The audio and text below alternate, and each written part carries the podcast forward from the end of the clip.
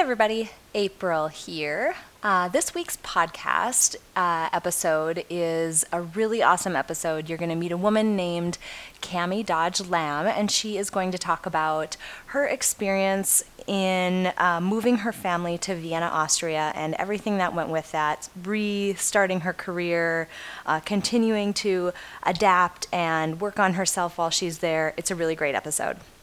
I'm excited for you to meet her. Uh, along with that episode, I wanted to release this little nugget of an episode. I guess it's not a real episode, but I just wanted to release this um, bit today because something happened to me that I think happens to a lot of us, and I just wanted to share it with you. Uh, so I guess I have a confession, is what I'll call it. Many of you, um, if you listen to my first episode, so episode zero, not episode number one, you um, learned a little bit about me, and in particular, um, my real job. Uh, the job where I make my income is uh, that I'm an independent consultant. Uh, specifically, I'm a data scientist and I dig around in companies' data and help them answer questions and uh, decide what direction to take their company and all of that fun stuff. What this means is that I am working with a number of different clients at any given time, and every single time I work with a new client, it's my very first day at a new company. Now, let that sink in for just a second and think about your first day at a new company. Maybe it's your current job or one in the past. It's a really difficult situation because you walk in and you really don't know the company culture at all.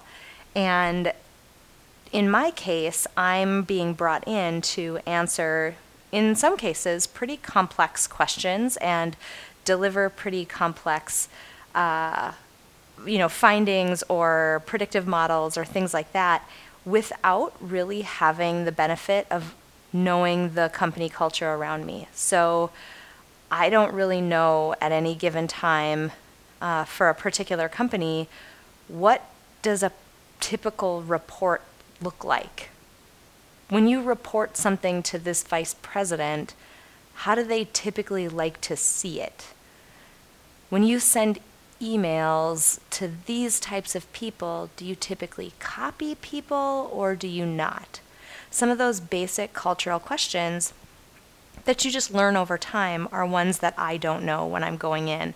And that makes me really nervous. And today, uh, I heard from a client of mine um, because he had looked at the very first deliverable that I had sent to him for the project that we're working on. I sent it before the holidays. I was really excited to send it to him, but at the same time, that very familiar voice in the back of my mind was fairly loud. She was saying, What if he doesn't like it? What if this missed the mark completely?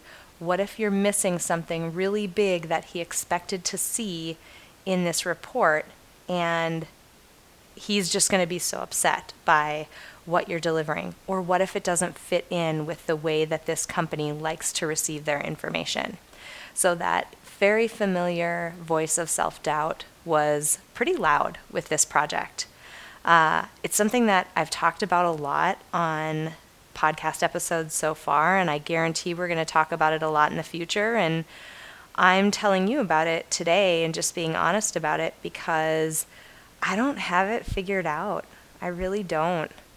I don't know how to make her be quiet, uh, but I guess my biggest goal right now is to at least recognize when it's happening so that I can start making a mental note when things like what happened today happen. I got an email from this client and he's thrilled with the results of what I put together. He's excited about the information, he liked the way that I presented it, and it helped him understand his problem in a lot more depth. And that's great it felt great to get that feedback. But at the same time, I should have been able to be confident in the work that I put together. I'm just not there yet. So I wanted to share that with all of you because I think it's something that a lot of us struggle with, and um, I don't know. I don't know how to do it yet.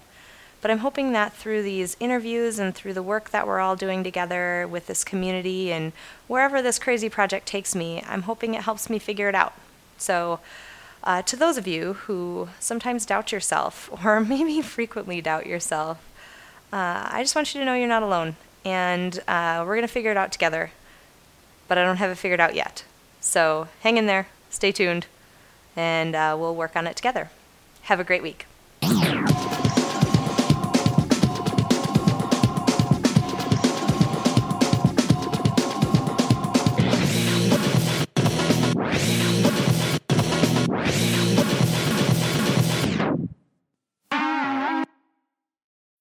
When you need mealtime inspiration, it's worth shopping Kroger, where you'll find over 30,000 mouthwatering choices that excite your inner foodie. And no matter what tasty choice you make, you'll enjoy our everyday low prices, plus extra ways to save, like digital coupons worth over $600 each week. You can also save up to $1 off per gallon at the pump with fuel points. More savings and more inspiring flavors make shopping Kroger worth it every time. Kroger, fresh for everyone. Fuel restrictions apply.